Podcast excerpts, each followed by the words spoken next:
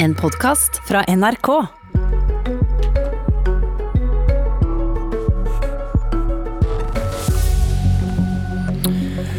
Puster Jonas Gahr Støre lettet ut i dag. Trond Giske blir ikke fylkesleder i Trøndelag likevel.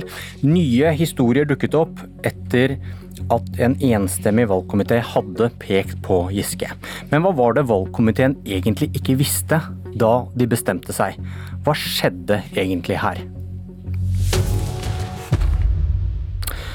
Og for å nærme oss et svar på det, skulle jeg gjerne hatt noen av de mest sentrale aktørene i studio nå, men det har ikke vært lett å få til. AUF i Trøndelag f.eks.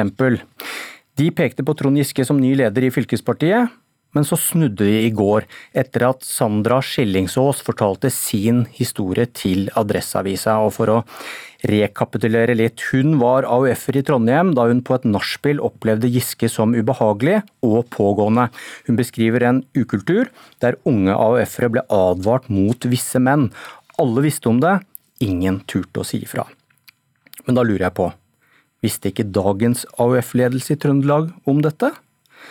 Det virker jo veldig rart. Og hvis de visste om denne ukulturen, hvordan kunne de da peke på Giske, men så snu når det kommer en ny historie om det de egentlig visste? Hvor dypt stikker viljen til å stå opp mot ukulturen da? Trond Giske måtte gå av som nestleder fordi han brøt Arbeiderpartiets regler mot seksuell trakassering. Giske selv har en stående invitasjon om å komme i studio, men har ikke svart ja. Han skriver på Facebook at pressen nå omtaler påstander uten krav på dokumentasjon eller å vente på saksbehandling. Sånn, det var en lang innledning. Vi får kanskje vite mer om hva som skjedde i valgkomiteen når den senere i dag skal komme med en ny innstilling til ledelse, da trolig uten Giske. God morgen, kommentator i VG Tone Sofie Aglen, som er i ja, sentrum av det hele, Trondheim. God morgen. Hvordan forklarer du denne snuoperasjonen i AUF og i valgkomiteen? Nei, det er nok eh, mange i Trøndelag som bør gå i seg sjøl i dag. Og det er neppe først og fremst eh, AUF. Eh, for jeg tror nok ikke at enkeltpersoner har vært kjent med de historiene. Men det føyer seg jo inn i et mønster, og, mange i Arbeiderpartiet har vært bevisst på at det helt sikkert finnes flere historier som ikke har blitt fortalt. Og det er veldig rart at eh, valgkomiteen ikke har gjort en grundig vurdering.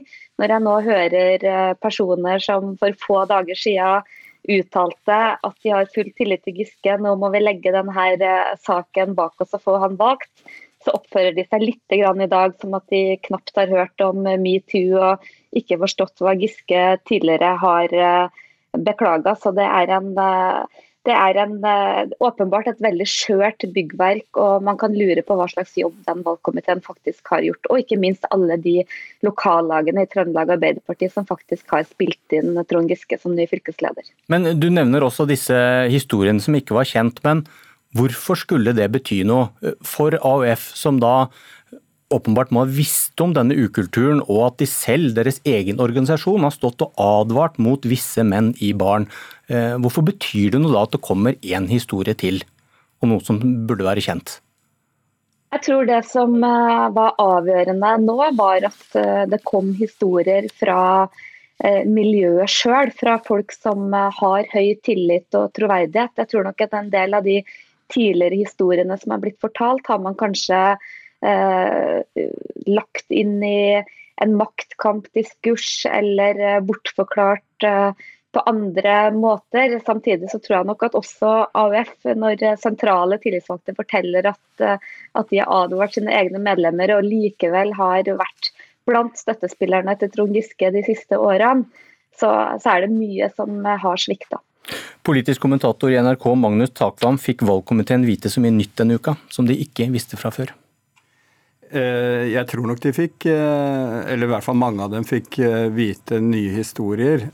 Men til det du spurte om hvordan AUF i Trøndelag kunne snu på den måten som, som skjedde i går, og som kanskje utløste hele den endringen av innstillingen som vi nå får om, om kort tid, det er at I utgangspunktet så var jobben til valgkomiteen slik at den skulle finne en bred og samlende løsning for dette. Alle skjønner at det var en veldig vanskelig jobb, og man kan sikkert i ettertid kritisere dem ulike, med ulike innfallsvinkler.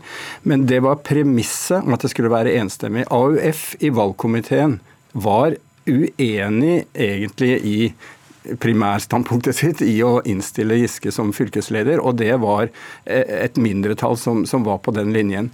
Men man prøvde da andre potensielle kandidater til, til eh, leder i Trøndelag Arbeiderparti uten at det var mulig å samle et tilstrekkelig flertall ut fra dette grunnpremisset om enstemmighet. Og dermed så valgte da AUF til slutt også å bli med på innstillingen for å holde denne enstemmigheten intakt. Men så kom disse historiene så, så voldsomt i går at at det ble umulig å holde på det standpunktet lenger. Og, og det var i hvert fall noe av, av, det som faktisk skjedde rundt dette.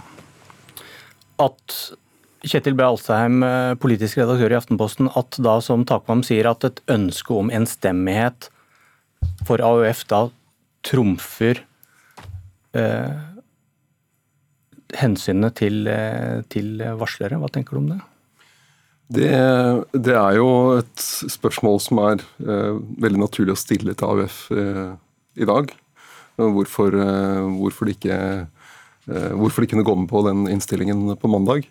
Men Du spurte i innledningen her hva var det valgkomiteen eh, ikke visste på mandag, som de vet nå.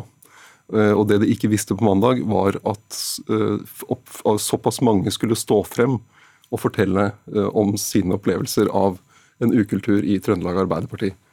Og det har en, eh, en, helt egen kraft når folk som de, de kjenner eh, lokalt i politikken, står frem og forteller bl.a. om hvordan de som AUF-ere måtte advare unge jenter mot eh, voksne menn i baren på, på fest etter fylkesårsmøtet. Og ja, En av dem var jo her i Politisk kvarter i går, eller var med i Politisk kvarter i går, Ellen Reitan.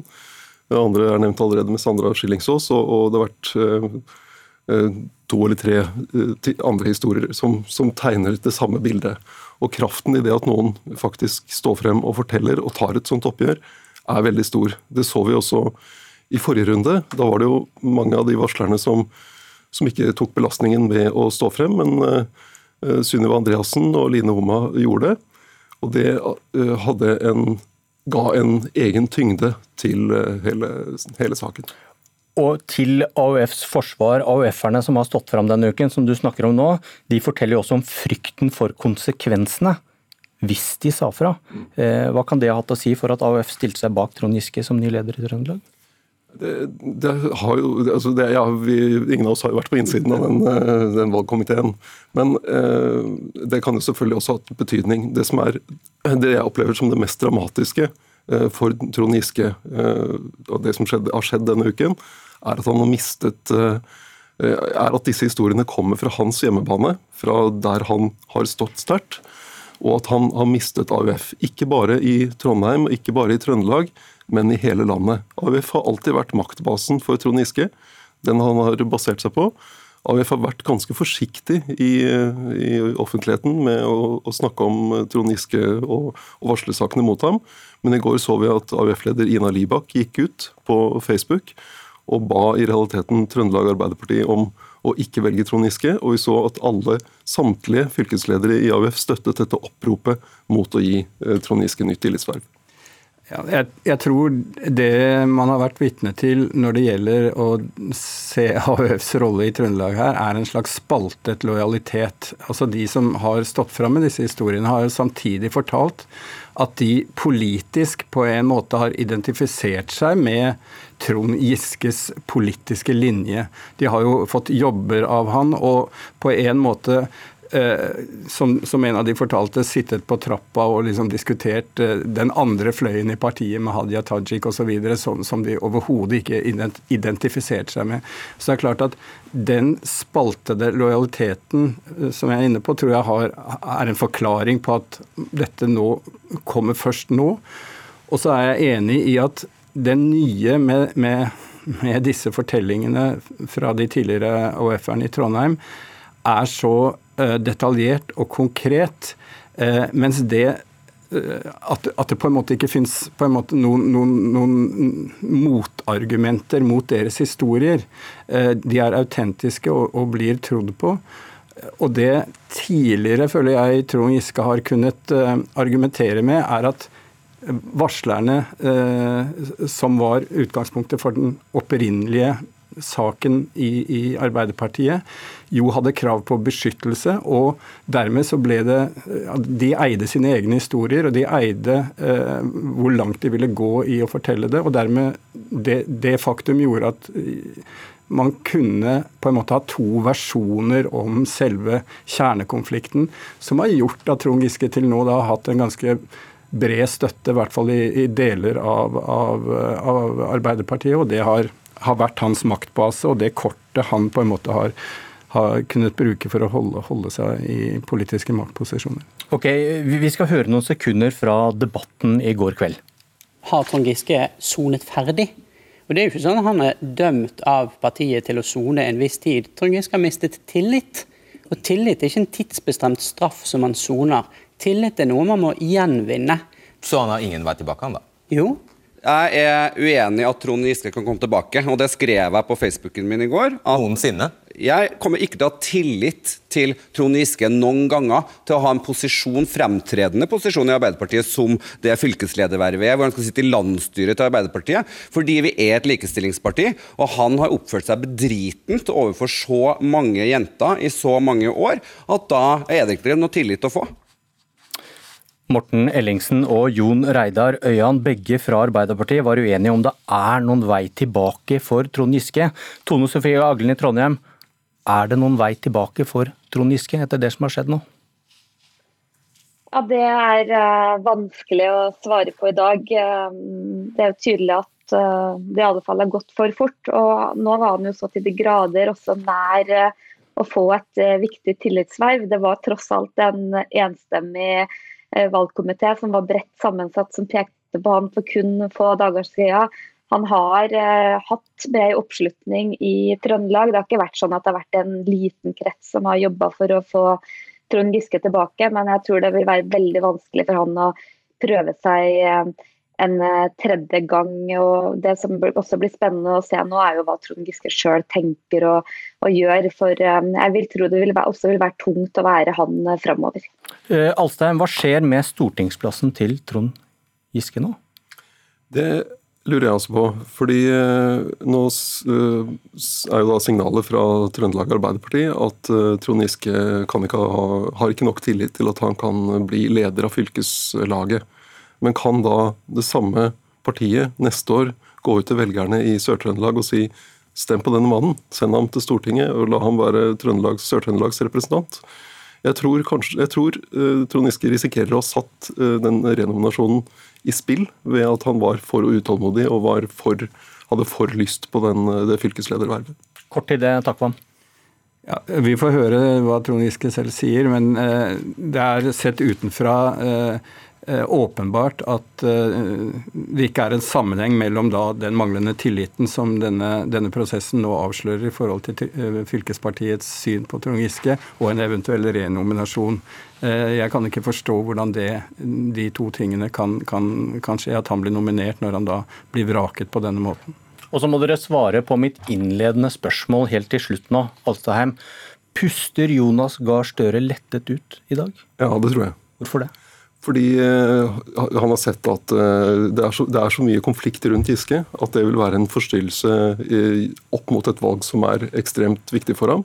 Det er det ene. Og det andre er at eh, de har et dårlig samarbeid. og Det er mangel på tillit mellom dem, så det ville vært vanskelig for dem å få det til å fungere. Takk, Vann. Jeg tror det, og jeg tror noe av det aller viktigste er at dette skjedde i Trøndelag selv. Altså at det var eh, Trøndelag Arbeiderparti som selv tok beslutningen, og ikke, ikke noen i Oslo. Uh, Aglen til slutt, ti sekunder. Er, er han letta, tror du? Eh, jeg tror han er letta. Jeg tror også han er litt trist over at dette har vært noen tapte år for Arbeiderpartiet. Og så tror jeg Støre faktisk har spilt kortene sine godt her, og at det ikke var han, men det var Trøndelag selv som satte ned foten. Dette var Politisk kvarter. Jeg heter Bjørn Myklebust.